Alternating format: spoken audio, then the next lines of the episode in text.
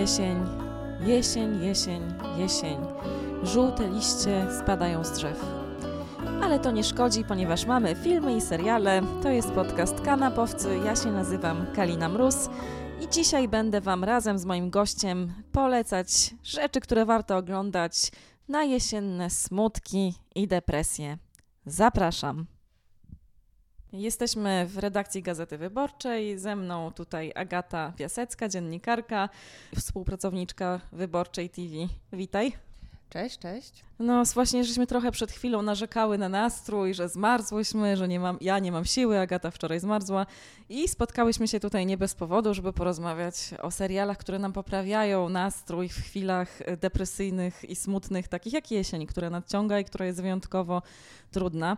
No i pretekstem do naszego spotkania jest przede wszystkim 25-lecie serialu Przyjaciele, dlatego że jest to serial, który notorycznie jest oglądany przez ludzi, którzy mają właśnie zły nastrój.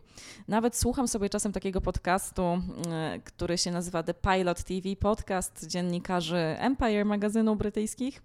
I tam jest taka bardzo wyemancypowana dziennikarka z północy, feministka, wojująca. I nawet ona, która zwykle ogląda dokumenty, jakieś kryminały, bardzo ciężkie rzeczy, mówi, że ona notorycznie ogląda w serial Friends, że on ją uspokaja, że ona sobie to włącza do snu i w zasadzie ogląda go codziennie, w pewnym momencie dnia.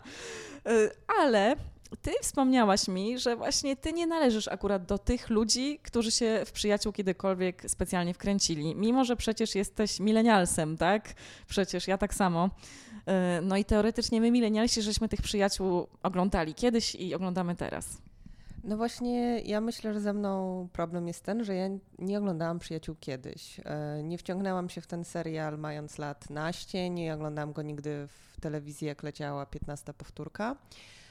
E, I chyba nie zdążyłam się w nim zakochać w tej takiej jego lekkości. E, I mimo, że mam ze sobą oczywiście obejrzane ileś tam odcinków, e, to patrzę już na niego z punktu widzenia Anno Domini 2019 i niestety widzę, że ten serial się po prostu źle zestarzał i pewne rzeczy są już dla mnie nie do przejścia, które myślę, że wybaczyłabym mu, gdybym oglądała go pierwszy raz 10 czy 15 lat temu. A o jakich mówisz konkretnie rzeczach? Domyślam się o jakich. Głównie chyba chodzi o tym, z czego się ten serial naśmiewa, prawda? Tak. Y, no niestety myślę, że te, te żarty właśnie i z homoseksualizmu i, y, i trochę takie polityczne, no no one już trącą myszką. Myślę, że to jest y, problem no nie tylko przyjaciół, ale też wielu kultowych seriali z lat 90 podobnie jest, wydaje mi się, też z Seksem w Wielkim Mieście. Tam też bardzo dużo wątków y, się zestarzało, mimo że to niby taka wyemancypowana produkcja. I chyba jak się nie pokochało kiedyś, to już się nie jest w stanie wybaczyć. No właśnie tak, ja akurat przyjaciół oglądałam w dzieciństwie. Właśnie nie oglądałam go wca ich wcale jakoś w wieku takim dorosłym, wczesnym, czyli tam 21-22, tylko powiedzmy no w dzieciństwie nastoletnim, takim dosyć wczesnym. No i rzeczywiście mi się ten serial akurat kojarzy bardzo przyjemnie z, no, z dorastaniem, e, z tym, że się kibicowało Rossowi i Rachel i tak dalej, ale co jest ciekawe, teraz jak do niego wróciłam jakiś czas temu po latach, w zasadzie tak naprawdę nie tak dawno temu, chyba w zeszłym roku, dopiero zaczęłam oglądać Przyjaciół znowu na Comedy Central właśnie w takie jakieś jesienne miesiące jak teraz, to odkryłam, że ja w ogóle nie znoszę już Rachel, szczerze mówiąc, że jest to bohaterka, która mnie drażni swoją nieporadnością, jakąś taką mm, tym takim no, nastawieniem strasznie na konsumpcjonizm też, co akurat ona jako jedyna chyba z tych, przed, z tych przedstawicieli generacji X, y, którzy, których cechą charakterystyczną jest właśnie raczej to, że oni się od tej konsumpcji odwracają no ona jako jedyna była taką straszliwą materialistką i też była taka bardzo, no, przez jakiś czas niesamodzielna, no ale no, jakoś taka wydała mi się z czasem mało interesująca. Natomiast bardzo polubiłam Chandlera, którego z kolei w dzieciństwie nie lubiłam, ponieważ nie rozumiałam, jak można być takim złośliwcem, nie rozumiałam jego sarkastycznego poczucia humoru. A teraz, jako człowiek dorosły, który już coś przeżył, 33-letni, rozumiem doskonale jego podejście do życia, takie dosyć cyniczne i sarkastyczne. E, także tak, ale jeżeli chodzi o te sprawy, o których ty mówiłaś, o tą poprawność jakby różnego rodzaju, to znaczy te rzeczy, które się zestarzały, no to też muszę przyznać, że mnie to też denerwuje. Kiedy oglądam przyjaciół, rzeczywiście to jest coś takiego, co no już nawet e, żarty z homoseksualizmu wiadomo, mimo że przecież showrunner David Crane sam był gejem, jest gejem, żyje przecież, e, generalnie są takie dosyć frustrujące i takie rażące po prostu. E, to by po prostu teraz nie przeszło. To by nie przeszło dzisiaj i jest takie niezręczne też, ale też na przykład, co mnie zaskoczyło i rzuciło mi się w oczy, żarty z ludzi otyłych które są tam nagminne, prawda? Żarty z Moniki przecież, która występuje tam w tym y, kostiumie, y, który ją pogrubia i po prostu w ogóle żarty z ludzi nieatrakcyjnych fizycznie pod każdym względem. To jest też coś, co mnie uderzyło, że tam no, w zasadzie nie, nie może ujść na słucho nikomu nic, jeżeli ktoś jakoś źle wygląda. Po prostu nastawienie na wygląd jest tam szokujące. No ale mimo wszystko ja mówię, lubię sobie oglądać przyjaciół jak najbardziej i też mnie uspokajają, chyba dlatego, że jakoś tak nie zwracam do końca uwagi na, e, na te dowcipy, a raczej właśnie się kieruję sentymentem sprzed lat po prostu. Jakoś taką sympatią może do bohaterów jako takich, do tego jak to jest zagrane i mniej mnie to wszystko śmieszy, a bardziej po prostu się wciągam w jakieś takie obczajowe klimaty, ale przede wszystkim chyba chodzi o to, że to jest właśnie coś takiego, co my świetnie wszyscy znamy. I czy nie jest właśnie tak, że seriale, które się ogląda dzisiaj na uspokojenie, które oglądamy non-stop w tej z powrotem, to są właśnie rzeczy stare i właśnie takie, które już widzieliśmy setki razy. Jak myślisz, z czego to wynika? Ja myślę, że w ogóle my na jesień wszyscy jesteśmy trochę inżynierami karwowskimi yy, i lubimy to, co najlepiej znamy. E, ja też mam takie swoje seriale. E, dla mnie to jest na przykład Plotkara, czyli serial, który ja oglądałam będąc w liceum nałogowo. I mam z nimi trochę tak jak ty z y, przyjaciółmi, że jak widzę teraz na przykład postać Chucka Bassa, który jest taki bardzo napierający, na, wymuszający y, wręcz na, na różnych dziewczynach różne rzeczy, to myślę sobie, no jest to ślizgły typ, ja nie chciałabym mieć z nim nic do czynienia. A z drugiej strony jakby oglądam to cały czas i myślę, no tak, wiem jak to się skończy, to się wszystko skończy piękną miłością, E, więc jakoś mogę, mogę mu to darować i jestem w stanie cytować ten film razem z bohaterami. Dokładnie wiem, co się, co się wydarzy. Za każdym razem chyba wydaje, ten cały plot wydaje mi się bardziej e, absurdalny. No ale oglądam. E, I, I, to jest dla mnie taki serial, który oglądam gdzieś tam jednym okiem, jednym uchem. Tutaj coś porobię, tu nie porobię, mam gorszy humor, puszczę sobie ulubiony odcinek i jest od razu lepiej. Plotkara powstała niedługo po przyjaciołach, prawda? Po zakończeniu przyjaciół, no bo przyjaciele się skończyli w 2004 roku, a plotkara się zaczęła w 2007, czyli trzy lata po nich. I szczerze mówiąc, ja z kolei plotkary nie oglądałam, więc chętnie sobie jeszcze chwilę o niej posłucham. Teraz przed spotkaniem z tobą obejrzałam pół godziny, bo jest w Netflixie całość.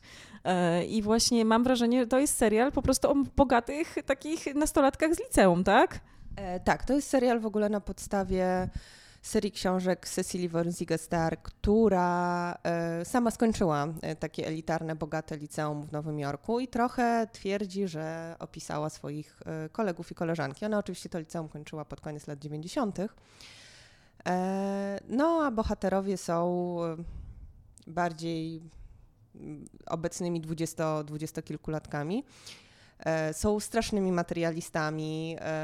Bardzo ważne jest tam urodzenie, urodzenie, nazwisko, e, jakiś rodowód. A cała historia kręci się wokół strony internetowej z plotkami, plotkami dotyczącymi grupy e, znajomych, co też teraz wydaje nam się e, trochę absurdalne, bo teraz szukalibyśmy tych plotek na mediach społecznościowych. No ale HBO szykuje się do kręcenia kolejnej części która będzie opowiadała o nowym pokoleniu i to nowe pokolenie pewnie będzie się bardziej posługiwało Instagramem, a, a może TikTokiem. No tak, no bo plotkara to, jest, to są milenialsi zdecydowanie. Teraz będzie czas na pokolenie y, Z, y, które mamy w tej chwili, z którym z kolei my, milenialsi, już mamy bardzo utrudniony kontakt, mam wrażenie, że właśnie jakoś tak się nieśrednio z nimi rozumiemy, prawda? Mimo, że też używamy mediów społecznościowych na różne sposoby, to jest cecha milenialsów, ale to pokolenie Z to już jest jakieś takie, to już jest związanie z technologią, która nawet nas przerasta, mam wrażenie.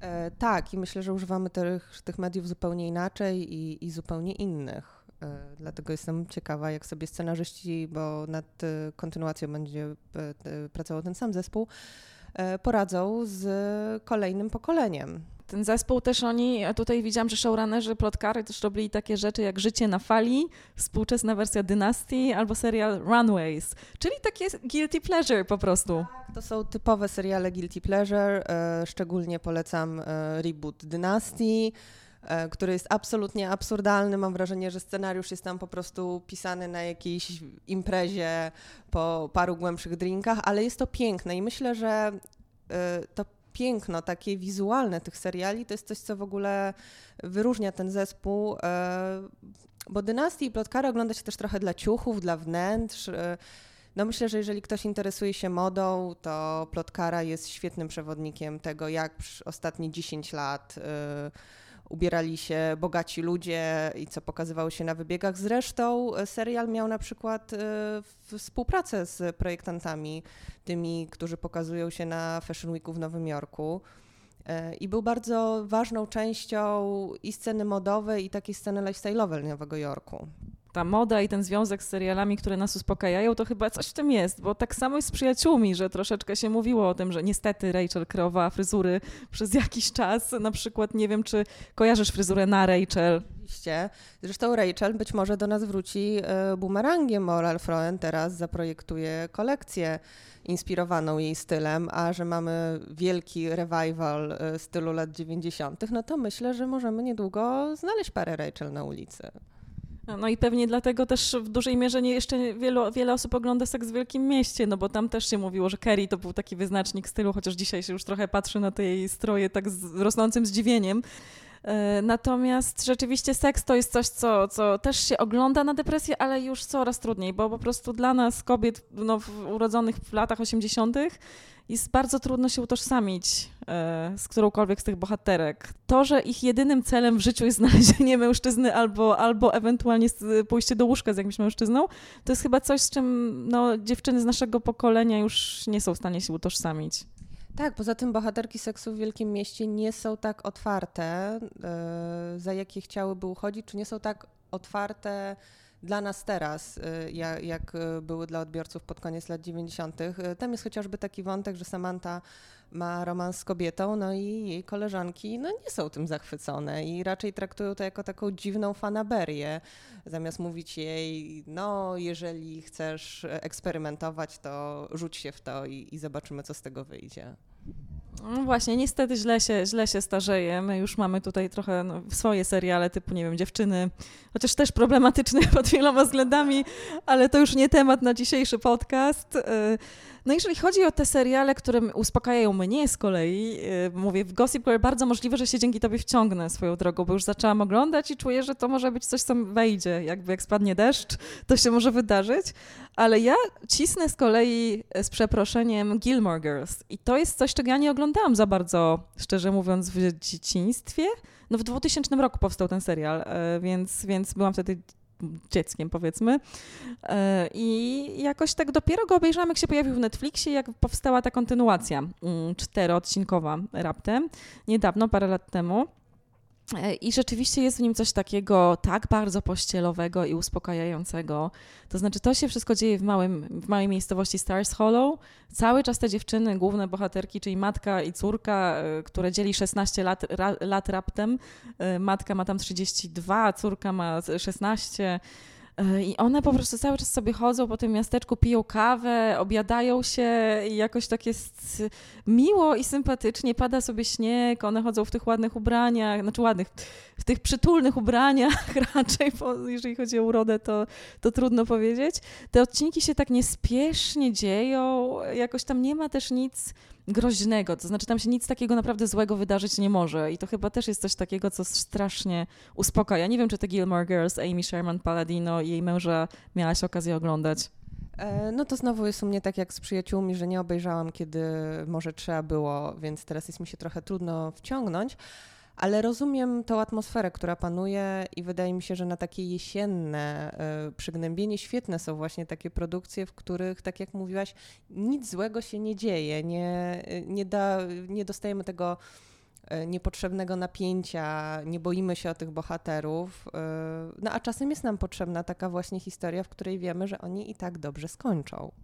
No właśnie, jeszcze jedna rzecz, która chyba je łączy, tak sobie teraz się zastanawiam nad tym, nad wszystkimi tymi produkcjami, które wymieniłyśmy, to jest chyba to, że to się dzieje właśnie w grupie jakichś przyjaciół po prostu, że to jest jakaś grupa i mam wrażenie, że to nam chyba widzom też daje poczucie bezpieczeństwa, że to jest o rozwiązywaniu problemów w jakichś relacjach międzyludzkich i to się dzieje po prostu, no nie wiem jak jest w plotkarze, co prawda, akurat tam chyba tam też ta grupa przyjaciół jest, radzi sobie czasem lepiej, czasem gorzej, jak to zwykle e, w serialach. Wszystkie związki też dzieją się wewnątrz te, tej paczki.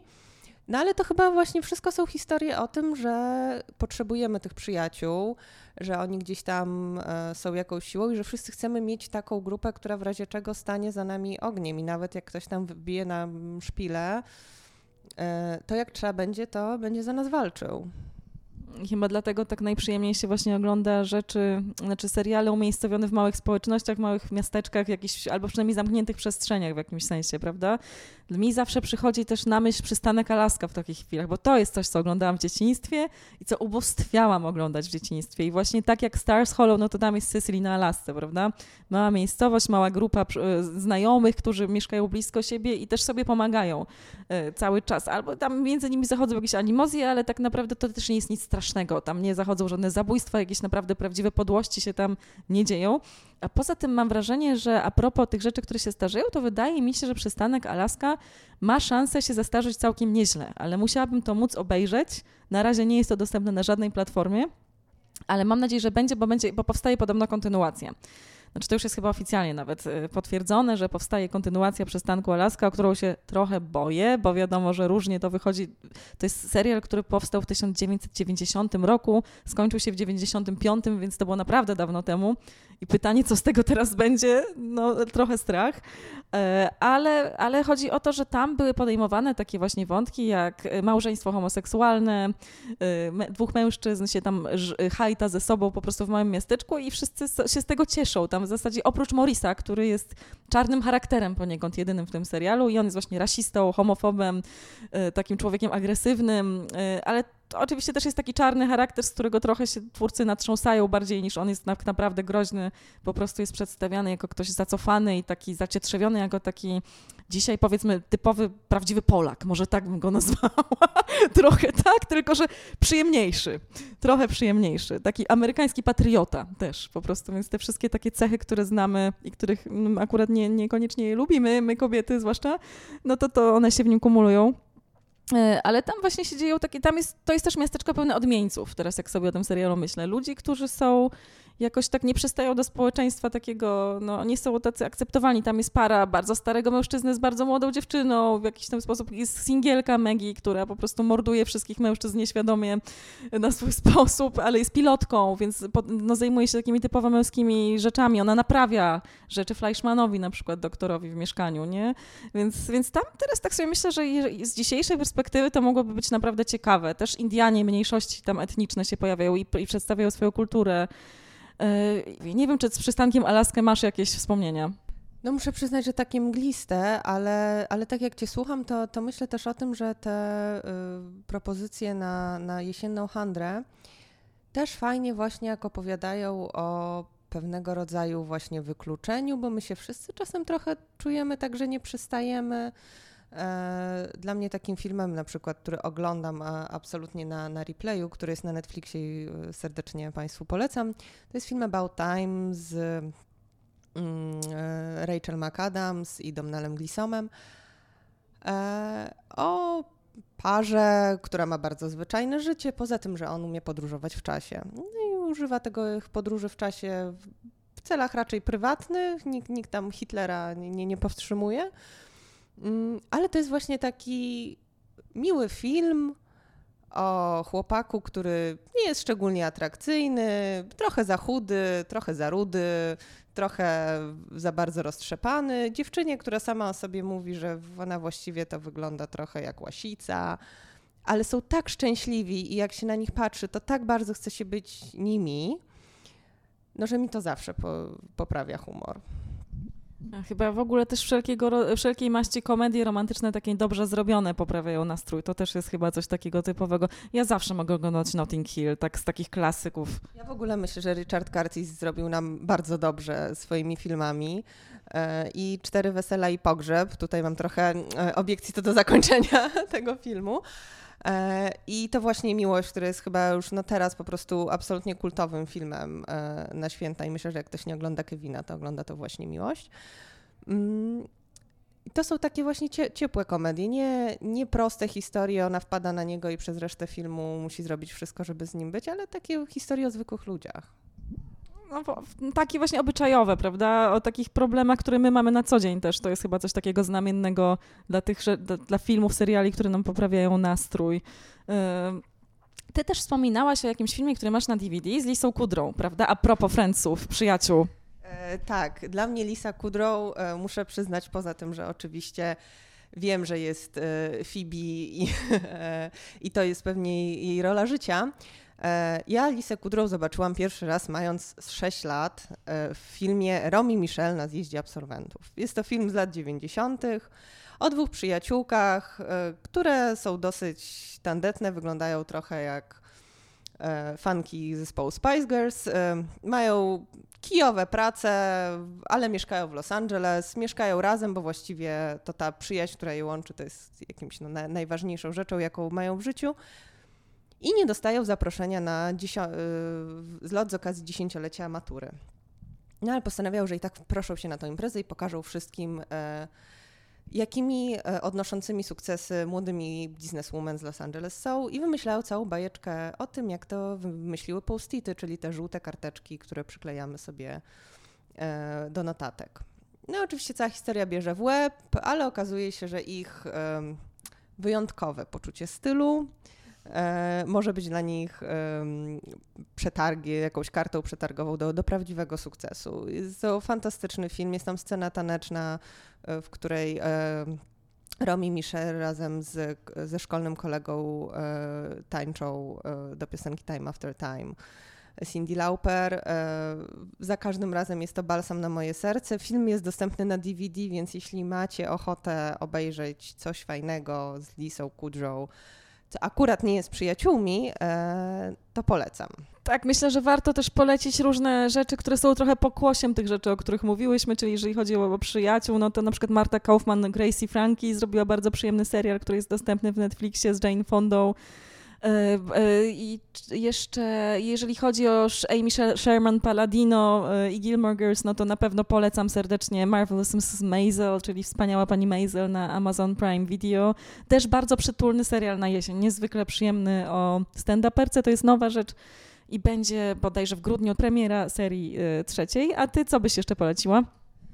E Myślę, że zawsze fajnie jest e, wrócić trochę do skinsów i polecam to każdemu, komu podoba się euforia, bo to taka trochę euforia w Wielkiej Brytanii e, parę lat temu. E, myślę, że warto też przyjrzeć się, jeśli mam ochotę na prawdziwe guilty pleasure, właśnie produkcjom Stefani Savage i Josha Schwarza, czyli twórców Plotkary. E, mamy Dynastię.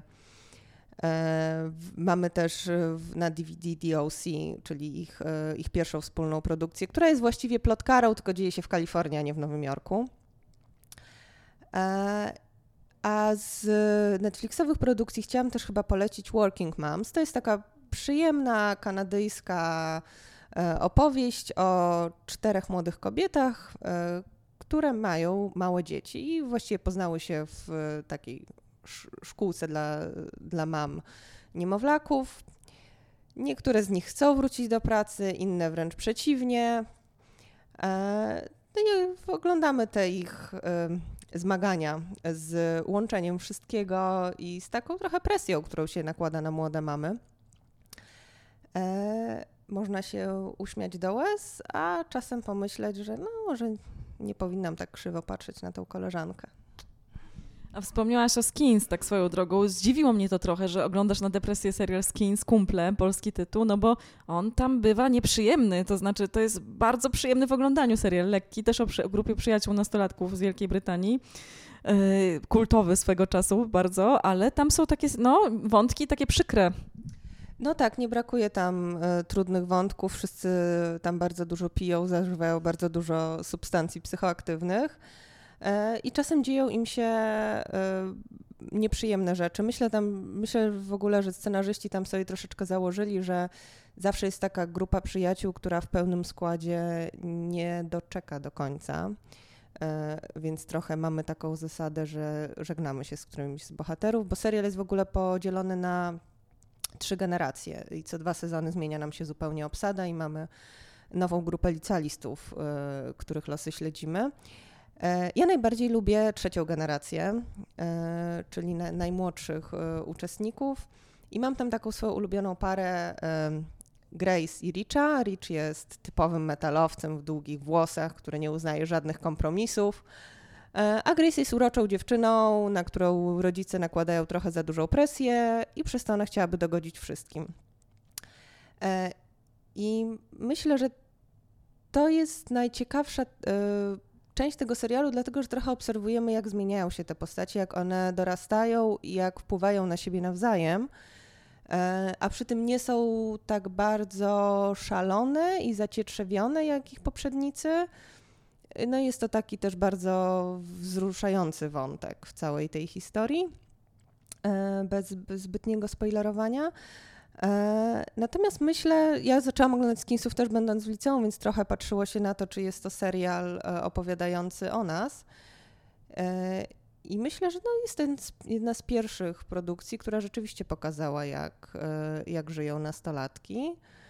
No, że potem z tą fabularną częścią już było różnie, no to zazwyczaj tak bywa. No właśnie, bo powstała jeszcze zamknięcie wątków serialu Kumple powstało zaraz. Nie pamiętam ile lat temu to było, ale niedawno jakoś. Tak, tak. E, parę lat temu wyszedł siódmy sezon, który e, zamykał wątki e, z drugiej i trzeciej generacji. Ale myślę, że tam już problem był taki, że trochę chyba twórcy nie mieli pomysłu na to, jak nas zaszokować do, dorosłym życiem bohaterów i oni byli trochę za bardzo odklejeni. I o ile pijące i ćpające dzieciaki, które szukają siebie, e, gdzieś można się do nich e, odwołać i, i, i są jakieś takie realne w pewnym sensie, to e, już młodzi dorośli, trudniący się sprzedażą narkotyków i pomagający narkotykowym bosom, czy, czy robiący karierę w City są mm, mniej prawdopodobni. No i można te ten finał można sobie obejrzeć w Netflixie w ogóle Skinsów. Y, tak, wszystkie sezony są dostępne. A, no to tym bardziej za, zachęcamy, żeby sobie przypomnieć, bo to jest komplet Skins, to serial, który się w ogóle bardzo przyjemnie ogląda mimo tych trudnych wątków, prawda? To też jest taka konwencja, która wchodzi bardzo... siły na euforię, to, to może zacząć od Skinsów. No dobrze, słuchajcie.